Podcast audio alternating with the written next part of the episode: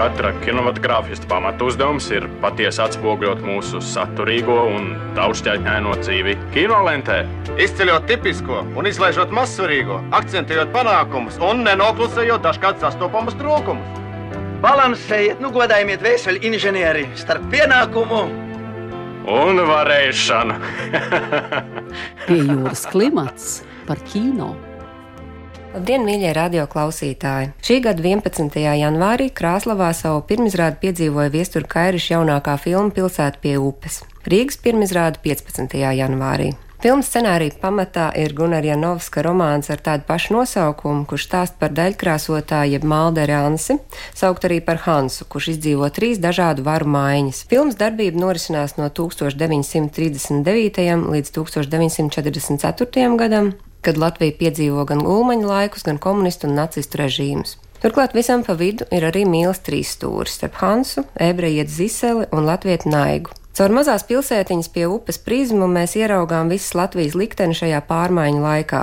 Filmas darbība notiek latgalē, un arī tās varoņi lielākoties sarunājas latgaliski, valodā, ko režisors pats salīdzinājis ar čalojošu strautu. Pilsēta pie upes mēģina uz dažādiem traģiskiem vēstures notikumiem palūkoties ar vieglumu un humoru pieskaņu. Galvenajās lomās redzēsim Dāvu Suharecki, Agnes Cīruli, Gundaru Āboliņu un čehu aktrisi Brigitu Smuntovu. Filmas operators ir Gins Bērziņš, un tā tapus studijas ego mēdīja paspārnē sadarbībā ar Lietuvu un Čehiju. Par to, ko varam sagaidīt no filmas Pilsēta pie upes un ko tā atklāja gan par Latvijas vēsturi, gan tagadni, jums pastāstīs studijas viesi. Režisors un scenārija autors Viesturs Kairišs, Naigas lomas atveidotāja ir aktrise Agnes Cīru un producents Guns Strekters. Labdien!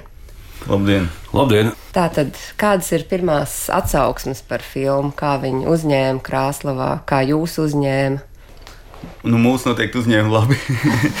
Par to šaubu nav. Un, e, līdz ar to pirmās atsauksmes ir tādas pēc smagi pavadītas nakts Latvijas Nacionālo dzērienu tuvā klātbūtnē. Es nezinu, man liekas, ka bija fantastiski parādīt latviešu filmu, sākt ar to. Tas man liekas, bija ļoti nozīmīgi gan mums pašiem, gan e, latviešiem. Nu, atsauksmes kaut ko cilvēki visi kaut ko stāstīja. es domāju, ļoti daudziem bija daudz skaitīja, cik viņi tur ir redzami. Tur jau bija ļoti daudz cilvēku, kas vienkārši nu, piedalījās filmēšanā, un tas viņiem bija ļoti svarīgi.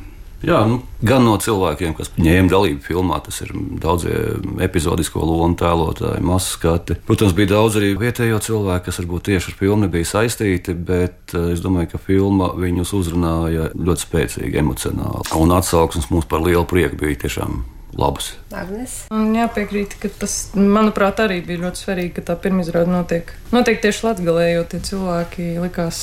Es nezinu, vai tā filma ir par, tieši par to. Es domāju, ka īsti nē, bet tā valoda un vieta, tā ir nozīme. Un tie cilvēki, protams, kas iesaistījās, bija prieks. Bija prieks arī, kas tur varēja būt. Cik daudz no šī romāna ir palicis scenārija beigu versijā, un kas bija tas galvenais, ko arī gribējās izcelt? Nu, varētu pateikt, ka, protams, filma un romāns, pēc kā tas ir veidots, ir pilnīgi dažādas lietas, absolūti dažādas lietas. Es pat nezinu, cik daudz vai maz, jo tas tā ir tāds iesākuma punkts, tas iemesls ar to tēmu nodarboties, bet, protams, tur ir ļoti plašs. Tas e, mūsu tā, tā filma ir krietni, krietni savādāka. Un e, es domāju, ka tas ir ļoti pēc motīviem, un tā tomēr arī jābūt, jo filma nedrīkst būt ekranizācija. Nu, drīkst būt ekranizācijas, bet nu, šis nav tas gadījums, un ekranizācijas manā skatījumā nu, man nekad arī kā kino skatītājiem nav interesējuši, jo man liekas, kino valoda ir unikāla, un tev tā filma jārada no jauna.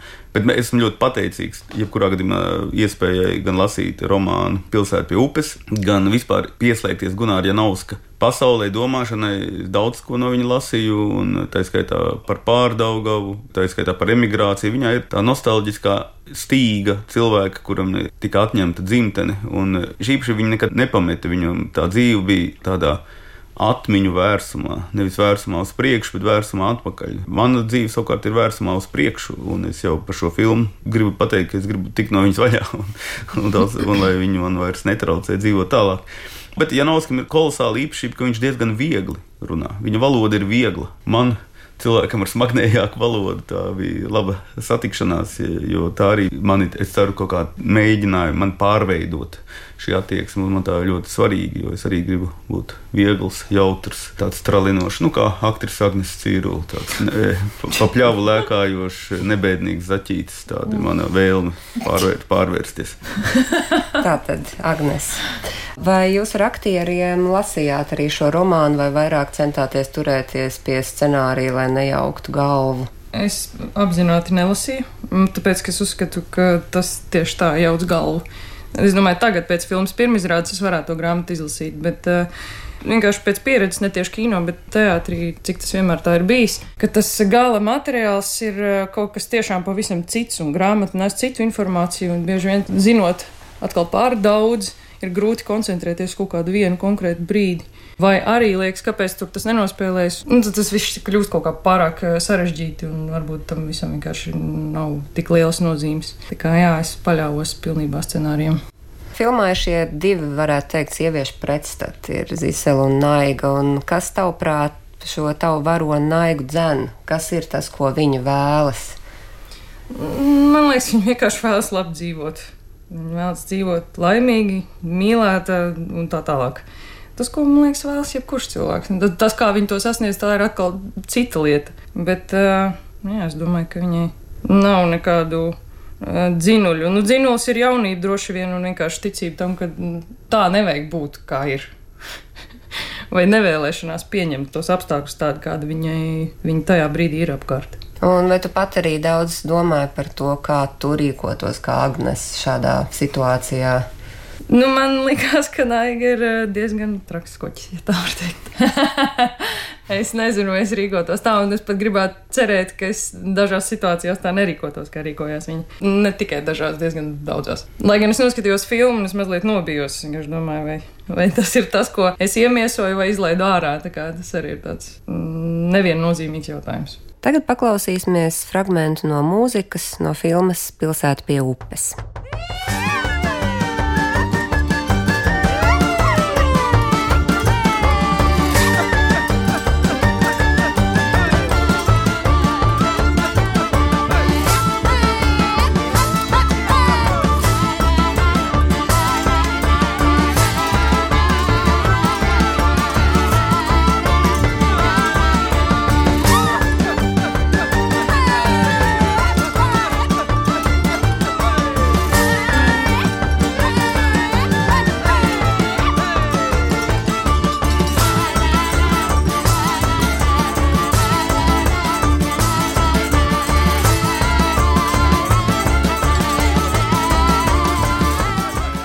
Mazliet par šo filmu arī vizuālo stilistiku. Attēls atgādina tādu kā greizu spoguli reizēm vai sapni, atmiņu. Kā tas tika veidots kopā ar operatoru Gintu Bērziņu?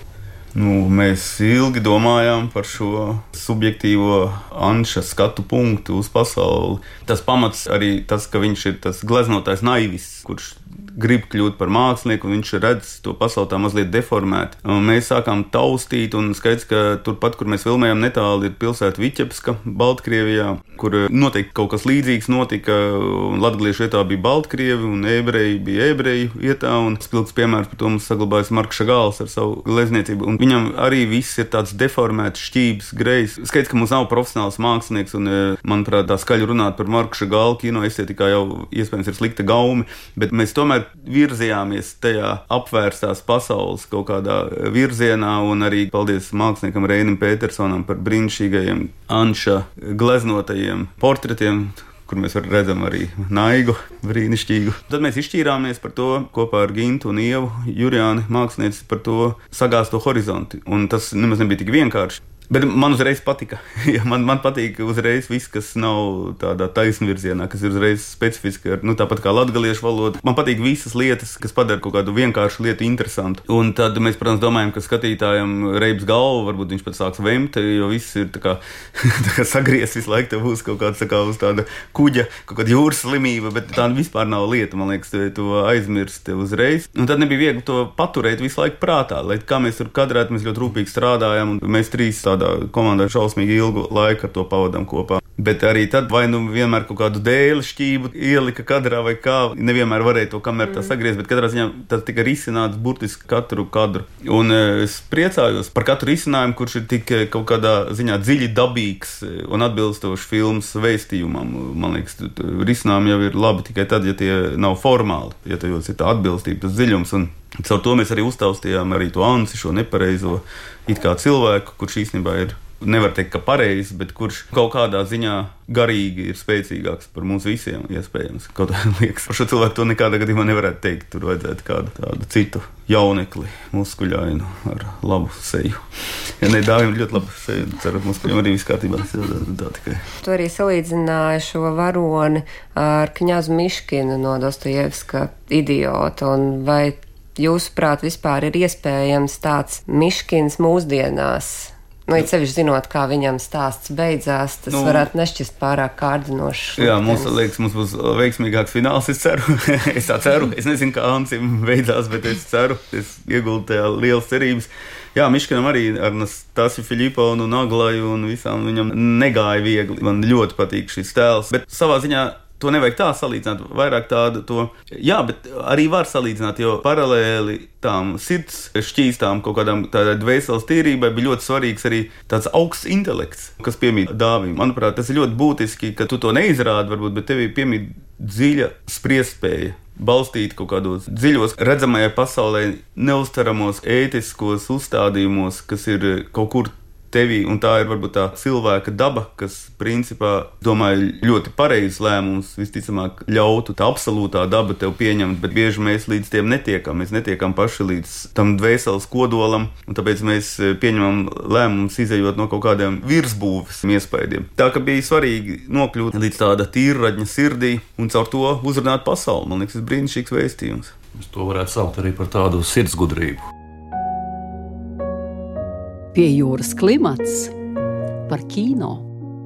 Tikko, piemēram, Golden Globe balvas pasniegšanā komiķis Rikijs Džervais ļoti kritizēja Holivudu par to, ka viņi ļoti cenšas būt politiski, un viņš akcentē to, ka neviens no viņiem īsti nesaprot neko no reālās dzīves. Viesur, tu esi minējis, ka māksla nevar būt atrauta no politikas, un cik jums katram, piemēram, ir svarīga šī saistība mākslai ar politiku, savu viedokli, Manuprāt, tā ir mākslas daba. Ne jau nu, politika. Es nedomāju, to, ka sižetiski jābūt kaut kādam politiskam topikam, bet, eh, manuprāt, ja tu izšķiries par mākslu, tas ir jau politisks vēstījums. Ja tu izšķiries par kasi, tas nav politisks vēstījums. Nu, tomēr kaut vai šādā nozīmē.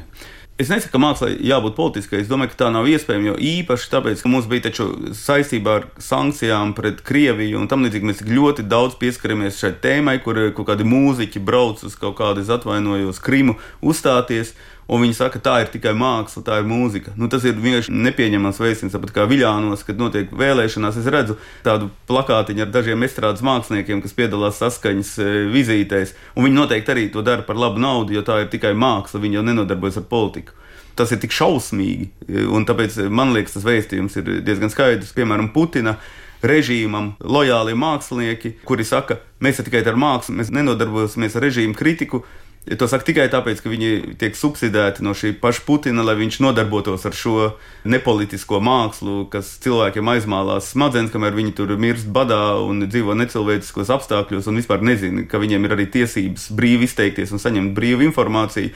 Viņam jā, jāpārtiek no šī surrogāta, kas it, it kā ir ar politiku nesaistīta māksla. Tāpēc man liekas, šobrīd tas vēstījums ir ļoti aktuāls. Bet no otras puses, domāju, lai katrs dara, kā grib. Es uztveru, ka man ir tiesības darīt, kā es gribu, un es arī uzskatu, ka citiem, lai viņi taisa to mākslu, kas ir atrauta no politikas visticamāk, ka uz mani nebūs nekāda iespēja. Es, es varbūt piebilstu, ka tieši šīs filmas kontekstā liekas, ir vērtīgi noskatīties filmu un saprast to, ka ir jādomā. Kad uh, ir jādomā par tiem konkrētajiem politiskajiem apstākļiem, kas cilvēkiem bija. Viņiem bija jāizdzīvo, viņiem bija jāpieņem kaut kādi lēmumi. Bieži vien viņi pieņēma nepareizos lēmumus, bet arī, arī šobrīd, arī šodien ir tā, ka ir jādomā, kas notiek valstī, kas notiek politikā nevajadzētu tā vienkārši, nezinu, sekot kaut kādai skaļākai, kaut kādai populistiskākai balsī. Ja? Vajadzētu, vajadzētu tomēr padomāt, izsvērt, kas ir tie spēki, kas šeit Latvijā darbojas, kaut vai teiksim, vietējā politikā, un, un ar kuriem mums ir pa ceļam, ar kuriem mums nav pa ceļam. Es domāju, ka cilvēkiem ir jādomā. Agnes, kā, nu, kā aktierim ir, jo bieži vien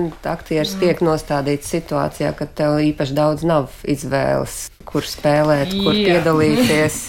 Tā tas, tāds ir. Tāds nebija šajā situācijā, bet nu, vispār tāds ir diezgan bieži. Bet uh, tas, ko es arī nu, tīri personiski uzskatu, ka nu, es personīgi iemeslu dēļ esmu ļoti, ļoti tālu no politikas, un es arī neuzskatu, ka tas ir mans uzdevums sludināt vienu vai otru patiesību, bet kas man kā cilvēkam, kas tomēr ir mākslās, ir jādara, man ir, tas man, mans uzdevums ir likt par kaut ko domāt. Un to es varu darīt gandrīz no jebkura tēla viedokļa. Protams, ka neviens tēls jau nav atrauts no manis. Tas kaut kur tomēr nāk no tā, ko es pati domāju. Un Līdz ar to kaut kāda atbildība jau tomēr ir pret politiku un politiķiem. Un es Nē, esmu pati ar to mierā, jo, nu, ja man būtu jāizvēlās, kā būt tādā situācijā, kā, piemēram, ir nokļuvis Ansis, tad eh, man tiešām gribas domāt, ka es būtu no tiem, kas eh, tajā brīdī, kad cilvēks saka, ir karš, viņš saka, karš, kur? Jo man liekas, ka tā ir tieši tā, tā ir personīga izvēle. Filma Pilsēta pie upes runā arī par latviešiem, manuprāt, tādām ļoti nērtām tēmām, par šo kolaboracionismu un par arī mūsu lomu holokaustā. Un, un kā šādi nērtie stāsti tev kā producentam šķiet, viņi ir vieglāk vai grūtāk mārketējami, ja var izmantot tādu vārdu. Un, turklāt, jā, šī ir arī koprodukcija, kā filma, piemēram, uztvēra koprodukciju valstu pārstāvi. Varbūt kaut kādā ziņā. Paldies Dievam, ka mēs neesam Holivudā, kur, protams, nauda un teiksim, tas filmas pārdošanas potenciāls nosaka visu. Mēs tomēr saņemam arī kaut kādu valsts vai sabiedrisko finansējumu. Līdz ar to es domāju, ka tā ir mūsu atbildība runāt arī par nērtām tēmām. Un varbūt šī gadījumā, kas sasaucās ar iepriekšējo jautājumu, ka tā arī ir mūsu atbildība gan pašiem domāt, gan arī likt cilvēkiem domāt, tas, ko Agnēs teica. Ja? Es domāju, ka tās ir tādas, nevarētu teikt, ka pilnīgi nezināmas Latvijas vēstures lapus, bet varbūt tās ir lapus, par kurām pietiekami daudz netiek runāts. Ja? Un, es domāju, ka mēs esam tikai ceļa sākumā. Ir bijušas gan filmas, gan grāmatas, gan viss kas cits, un mēs vienkārši šo ceļu turpinām. Un es domāju, ka tas ir tāds svarīgs uzdevums arī producentam, ja? ne tikai scenārija autoram, režisoram, aktieriem un visiem pārējiem. Tas savukārt, kas attiecās uz koproducentiem, patiesībā bija diezgan viegli viņus pārliecināt piedalīties šajā projektā. Mūsu koproducenti bija no Čehijas, no Lietuvas, jo pēc scenārija izlasīšanas viņi teica, jā, jā, tā ir arī mūsu vēsture. Tā nav tikai Latvijas, nekādā gadījumā tikai Latvijas. Ja, tā ir arī Lietuvas, arī Čehijas, arī Austrumēropas, arī visas Eiropas vēsture. Ja. Tad tie ir atpazīstami vēsturiski notikumi, izstāstīti caur cilvēku personīgo pieredzi, rīcību, bet filmu pašu viņi redzēs tikai pēc divām dienām. Pie jūras klimats par kino. Filma pieskars arī antisemītismu tēmai, kas, diemžēl, pārsteidzošā kārtā šobrīd pasaulē atkal ir kļuvis aktuāls temats. Tas ir varbūt tāds abstrakts jautājums, bet kā jūs izskaidrot to, ka kas tāds vēl ir iespējams šodien, ņemot vērā visu vēstures informāciju un arī ņemot vērā to, cik daudz, piemēram, mākslas darbu par to ir tapis, kas atgādina, kas rada šo vēsturisko atmiņu joprojām. Nu, tāpēc, ka šim jautājumam ir ļoti dziļas saknes, daudz eh, dziļākas, kā pierasts to kaut kādā ziņā identificēt ar nacisma režīmu un eh, Otro pasaules karu. Tam ir daudz dziļākas saknes, kam mēs arī pieskaramies katoļu zemēs, kā Latgale, Lietuva, Polija. Tā saknes ir arī katolicismā, tomēr nevis kaut kāda noteiktā laika posmā, jau, bet jau gadsimtiem ilgi. Tomēr tā ideja, ka jūdi nonāvējuši pestītāju, tā, tā bija tā dabiska ideja, eh, un viņa tomēr klājās pāri man to ļoti daudz stāstījuši, kā vecmāmiņas Latgalē ir biedējušas ar ebrejiem un kā viņi tur macā iecep nevainīgu kristiešu asins un tam līdzīgi. Un kaut kā neviens nekad nav aiz rokas pieķēris un redzējis, bet nu, tādi mīti klīda. Viņi paradoxālā veidā sadzīvoja ar, ar to, ka pats Kristus bija pēc tautības ebrejs.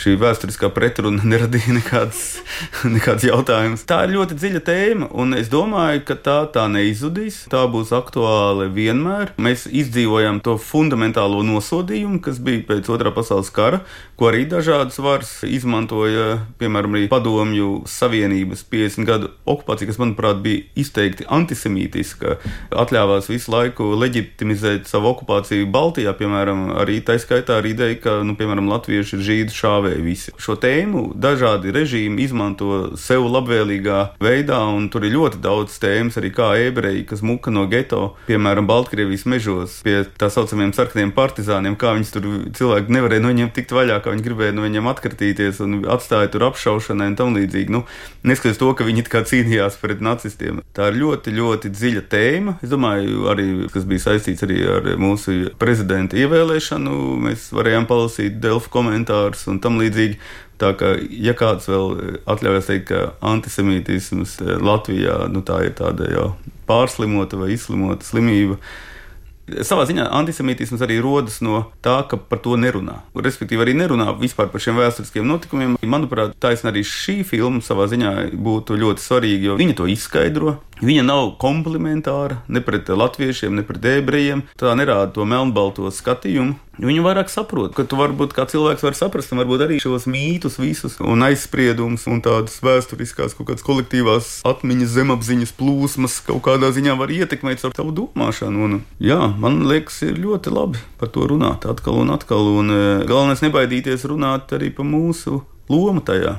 Jo savādāk, ja mēs par to baidamies runāt, mēs atkal ejam tajā Kremļa vēstījumā, ka mēs esam visi kaut kādi fašisti un nacisti. Tas arī mazliet velk uz nākamo tēmu, kas ir šī patriotiskā māksla, kas ir šī māksla, kas runā, nevarētu teikt pareizi, bet, piemēram, liekas, ka arī Baltiešu gradzenu sakarā bija diezgan duāls atsauksmes tieši tāpēc, ka tas nav šis ierastais narratīvs, pie kur gribētos pieturēties. Kas, jūsuprāt, ir patriotiska māksla? Oi, tie gan ir jautājumi, nezinu, vai pareizajai auditorijai. Nu, patriotiska māksla, manuprāt, ir ļaut vienai no skaistākajām latviešu aktrisēm, Agnesei Cīrulē, parādīties uz ekrāna. Tas ir mans patriotisms, cīņa par skaistumu. Es esmu šādu patriotismu piekritējis. Es domāju, ka redziet, patriotisms ir ļoti bīstama lieta. Vārds patriotisms, nevis pats eh, patriotisms. Jo patriotisms ir eh, politiski izmantojams un manipulējams eh, jēdziens. Un, ja tev galīgi nav ko teikt, tad saka, ka esi patriots un tev viss būs pateikts. Manā skatījumā ir daudz dziļāks patriotisma paveidi, ir tavs darbs, tava dzīve, tavi uzskati. Un es domāju, ka tie, kuri, manuprāt, ir īsti patrioti, viņu vārdu patriotisms nelieto. Un tā man ir ļoti liela pārliecība, un es domāju, ka tā tas arī ir. Par patriotisku mākslu man vienkārši nav ko runāt. Jo es domāju, ka patriotiska māksla ir tajā, kur dari ar mīlestību. Tas ir vienīgais patriotisms, kas mums drīkst būt. Un maksimāli sevi profesionāli izaicinot, un attīstot savu meistarību ne tikai tādā tīri profesionālā ziņā, bet arī cilvēcisko vērtību ziņā. Tas ir, es domāju, vienīgais patriotisms. Tā kā es ceru ka mūs nevar saukt ne par patriotiem, ne par antipatriotiem. Es domāju, ka mēs esam vienkārši mākslinieki, mēs esam kino cilvēki, kas strādā un cenšas izdarīt maksimālo no savas kaut kādas pasaules izjūtas. Līdz ar to kopumā var teikt, ka mēs esam baigi patriotiski. Domāju, kad runājam par patriotismu, tur viens ļoti liels risks, teiksim, ja mēs mēģinām radīt patriotiskus mākslas darbus, tad varbūt tāds, tāds tā kā nāža asmens, ja, kad ir ļoti viegli iekrist tajā pusē, kur sākās lozungi, kur sākās propaganda, ar ko patiesībā var panākt pretējo efektu. Ja, un, un to mēs nekādā gadījumā negribam pieļaut. Vai tas nav pretruna pašā vārdu kopumā patriotiska māksla, vai viņas var vispār izmantot kā kopā esošas lietas? Nu, nedrīkstētu manā skatījumā. Jā, diemžēl tas vai nu māksla. vai nu patriotisms. Jā, diemžēl tas, ko mēs redzam, tāds ļoti slikts piemērs, nu, tiksim, varam redzēt ļoti slikts piemērs citās valstīs, kad uh, patriotiskā māksla pārvēršas par propagandu. Tas nu nekādā gadījumā nav mākslas uzdevums. Bet Agnesē ir ko teikt par šo. Es domāju par to šaubos.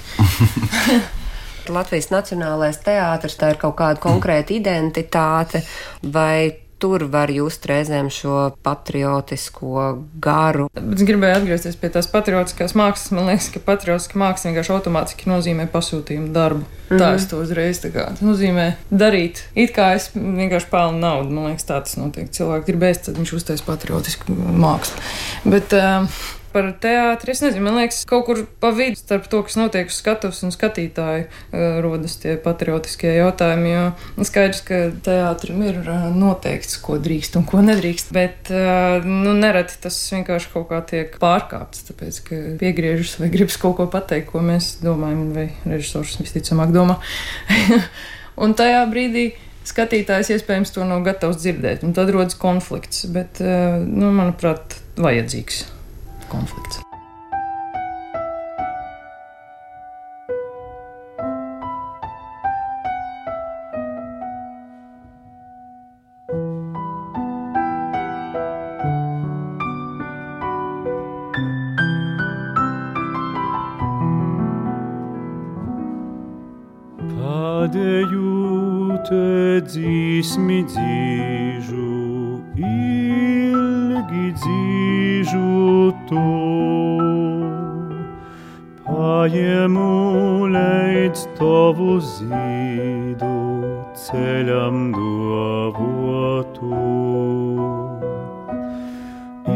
Ilgi mani brūna ceite, neredziesi vairs.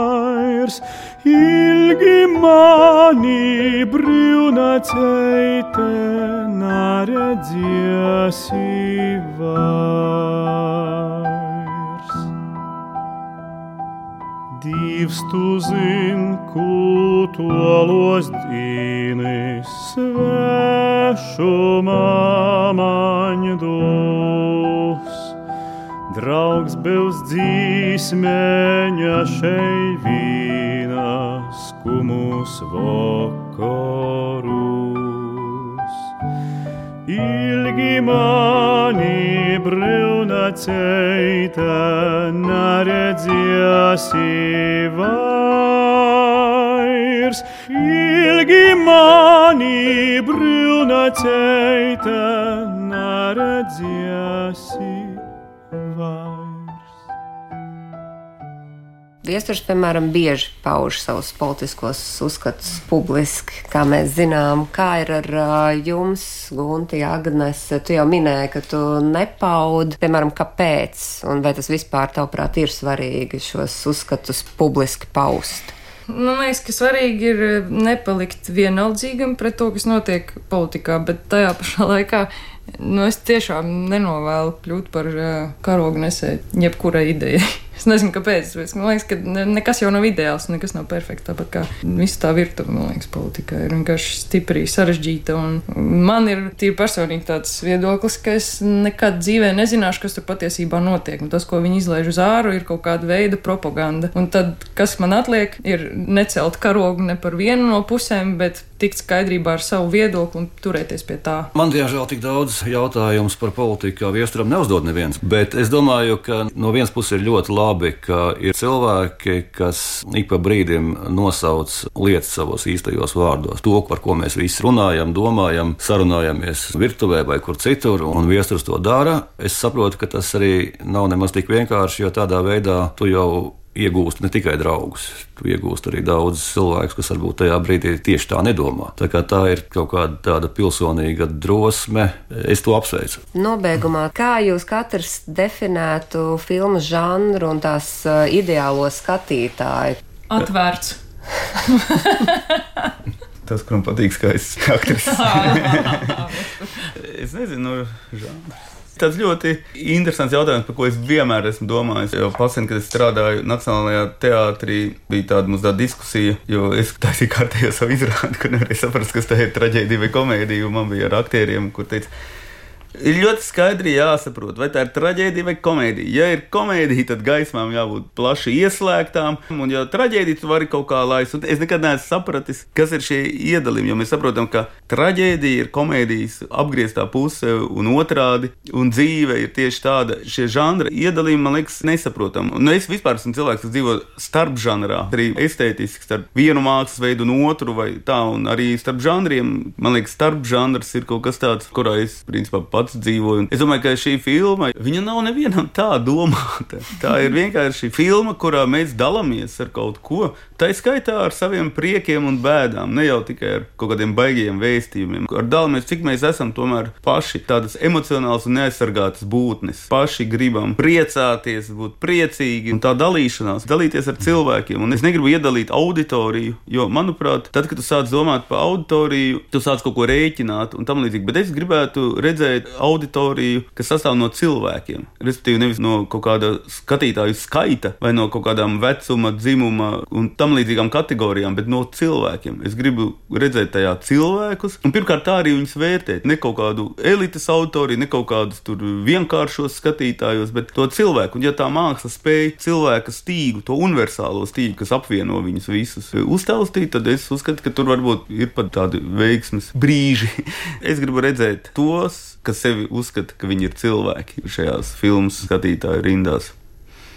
Visos projektu pieteikumos mēs esam rakstījuši, ka šī ir traģikomēdija. Un, uh, Es jau gribētu arī pie šī formulējuma, vai pie šī žanra formulējuma arī palikt. Jo filmā ir viesturam raksturīgas trakas lietas, jautras lietas, ir kaut kas smeldzīgs, ir skumjš. Tur ir tā kā pati dzīve. Es domāju, ka mums nav tādas vienas vecuma grupas, kam šī filma būtu jāredz. Es domāju, ka tā ir ļoti plaša auditorija, gan vecuma ziņā, gan nodarbošanās, gan visā citā ziņās. Tas ir skatītājs, kurš ir gatavs izdzīvot tādu pietiekami plašu emociju gāmu, kuram ir emocijas. Ja. Bet es dzirdēju tādu vienkāršu viedokli no viena cilvēka, kas man patika. Tā ir tāda aizraujoša filma. Paldies jums mm -hmm. par sarunu. Paldies. Paldies.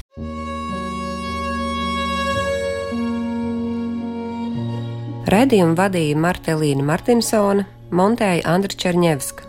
Radījumu piejūras klimats producenta Inga Saksona. Radījums tapis ar valsts kultūra kapitāla fonda finansiālu atbalstu.